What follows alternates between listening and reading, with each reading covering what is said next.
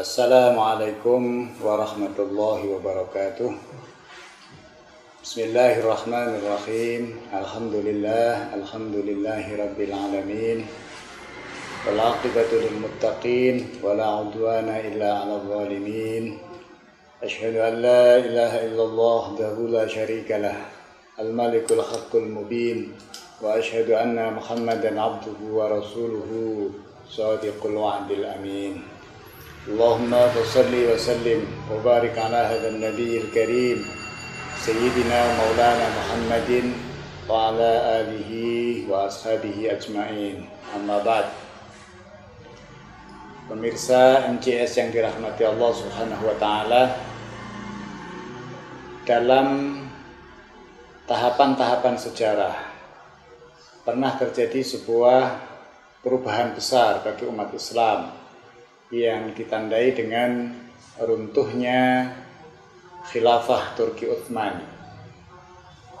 Kekhalifahan Turki Utsmani yang runtuh sekitar tahun 1924 menandai berakhirnya khilafah Islamiyah. Ini melahirkan berbagai sikap yang sangat beragam di dunia Islam, tetapi pada kenyataannya bahwa khilafah Islamiyah sampai dengan hari ini tidak bisa dibangkitkan lagi dan negara-negara muslim secara umum sudah berubah menjadi sebuah negara bangsa, nation state. Ini menjadi satu latar belakang negara kita yang tercinta, negara kesatuan Republik Indonesia, ketika menyongsong ke arah pintu gerbang kemerdekaan Indonesia, diskusi-diskusi tentang e, negara yang akan dibangun, negara merdeka yang diinginkan, ini menjadi satu diskusi yang cukup menarik, terutama di kalangan umat Islam. Pemirsa MJS yang dirahmati Allah Subhanahu wa taala, Hal inilah yang uh, kita bisa melihat dalam perkembangan sejarah Indonesia, diskusi terkait dengan dasar negara Indonesia yang merdeka. Yang diawali dengan pidato Bung Karno pada tanggal 1 Juni tahun 1945 yang itu ditetapkan sebagai hari lahirnya Pancasila, kita bisa mencoba untuk uh, mendiskusikan secara lebih mendalam bagaimana sebenarnya Pancasila bisa disepakati sebagai sebuah dasar negara. Dalam tahapan-tahapan sejarah yang ada bahwa Pancasila sebagai dasar negara dan Undang-Undang Dasar 45 sebagai Undang-Undang Dasar Negara ini bisa dirujukkan kepada peristiwa hijrah Nabi Muhammad Shallallahu Alaihi Wasallam yang lalu melahirkan satu piagam yang dikenal dengan piagam Madinah. Eh, peristiwa sejarah ini sebenarnya sangat inspiratif dan memberikan satu eh, pelajaran yang besar, terutama bagi eh, Muslim Indonesia, bahwa ketika Rasulullah Shallallahu Alaihi Wasallam pada tahun ke-13 kenabian beliau hijrah ke Madinah diterima oleh uh, kaum Yathrib yang tinggal di Yathrib pada waktu itu dan langkah pertama yang dilakukan oleh Rasulullah Shallallahu Alaihi Wasallam adalah mengubah nama Yathrib menjadi Madinah. Ini sebenarnya strategi yang sangat luar biasa ini bukan sekedar semata-mata perubahan nama, tetapi adalah satu gerakan awal yang dilakukan oleh Rasulullah Shallallahu Alaihi Wasallam mengubah nama Yathrib menjadi Madinah. Artinya Nabi mencanangkan satu mencanangkan satu uh, program atau satu aktivitas menumbuhkan satu peradaban baru yang mulia dan luhur.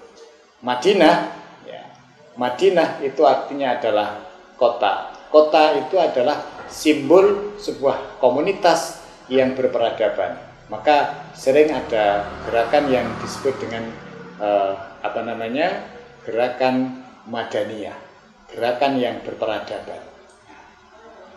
Langkah awal ini uh, mendasari satu langkah-langkah berikutnya yang dilakukan oleh Rasulullah Wasallam karena Rasul sadar betul bahwa fungsi utamanya adalah menegakkan peradaban yang baik.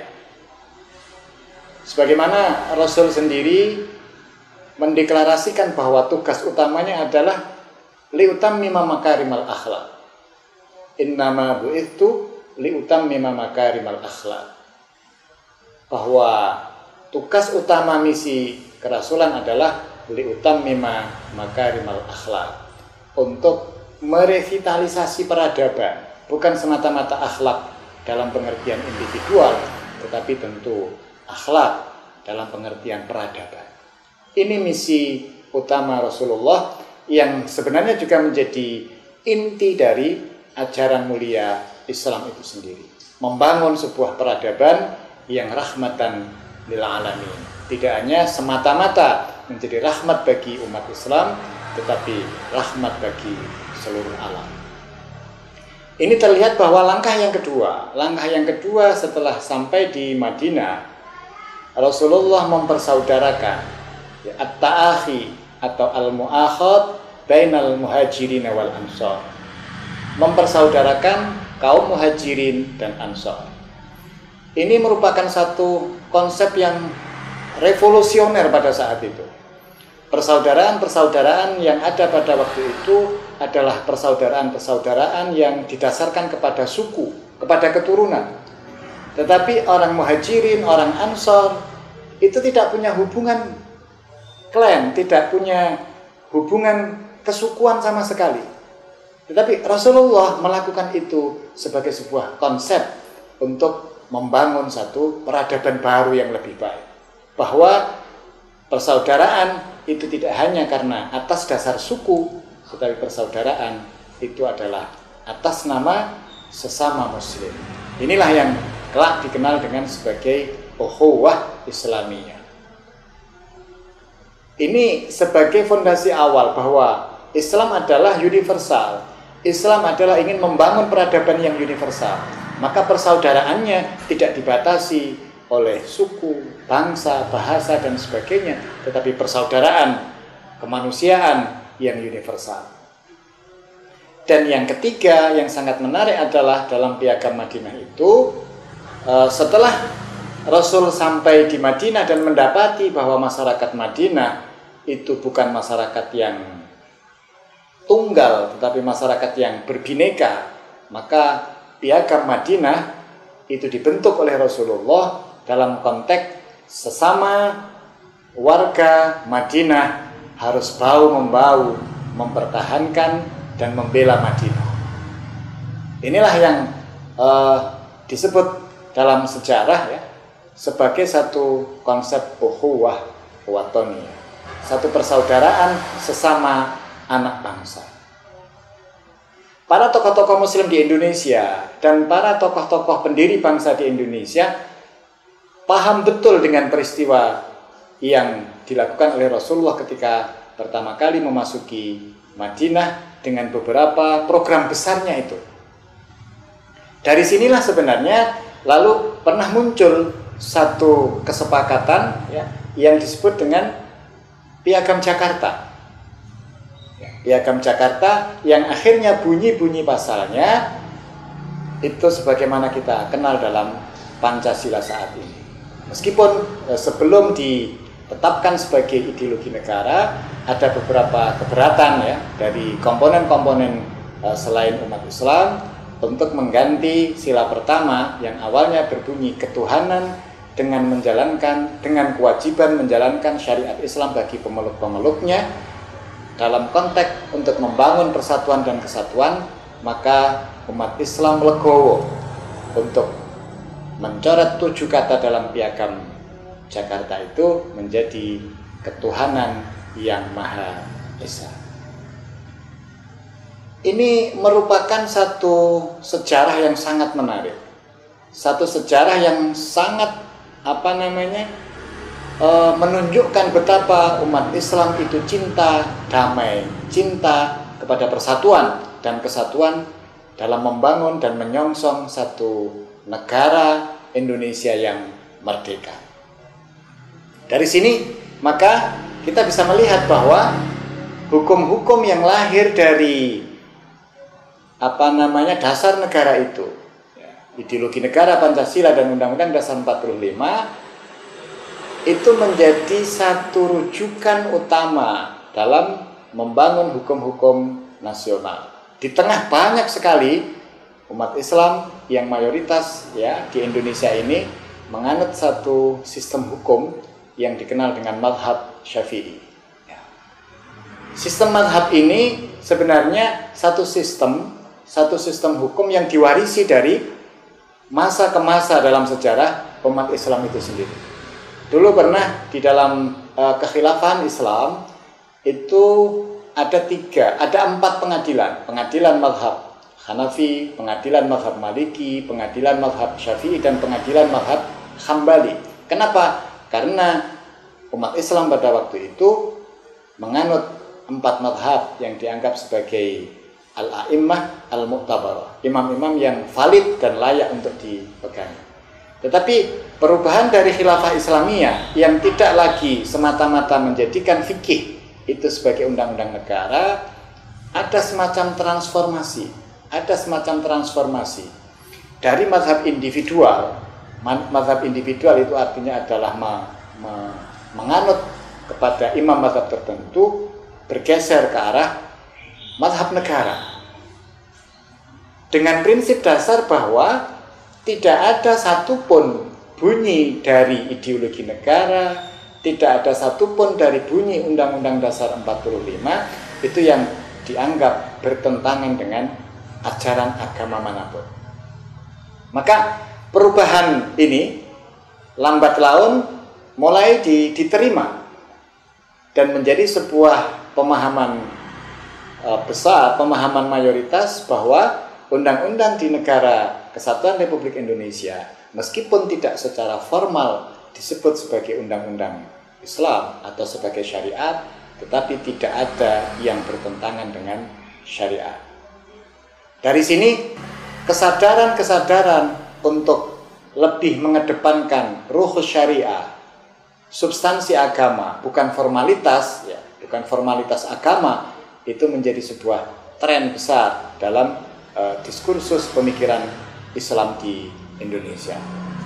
Meskipun di Indonesia ada beberapa undang-undang yang secara resmi memang merujuk kepada hukum Islam seperti undang-undang perkawinan, undang-undang tentang zakat, undang-undang tentang wakaf dan sebagainya.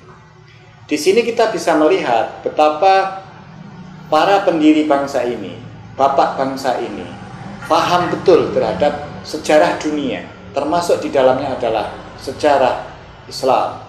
Sehingga menangkap substansi Islam dalam perubahan era ini dari era khilafah Islamiyah menjadi nation state ini tidak ada kegagapan di kalangan umat Islam Indonesia itu sendiri. Sehingga kita bisa melihat betapa perubahan dari khilafah Islamiyah ya, yang berakhir uh, dengan runtuhnya Turki Utsmani dan masuk kepada era nation state, negara kesatuan Republik Indonesia,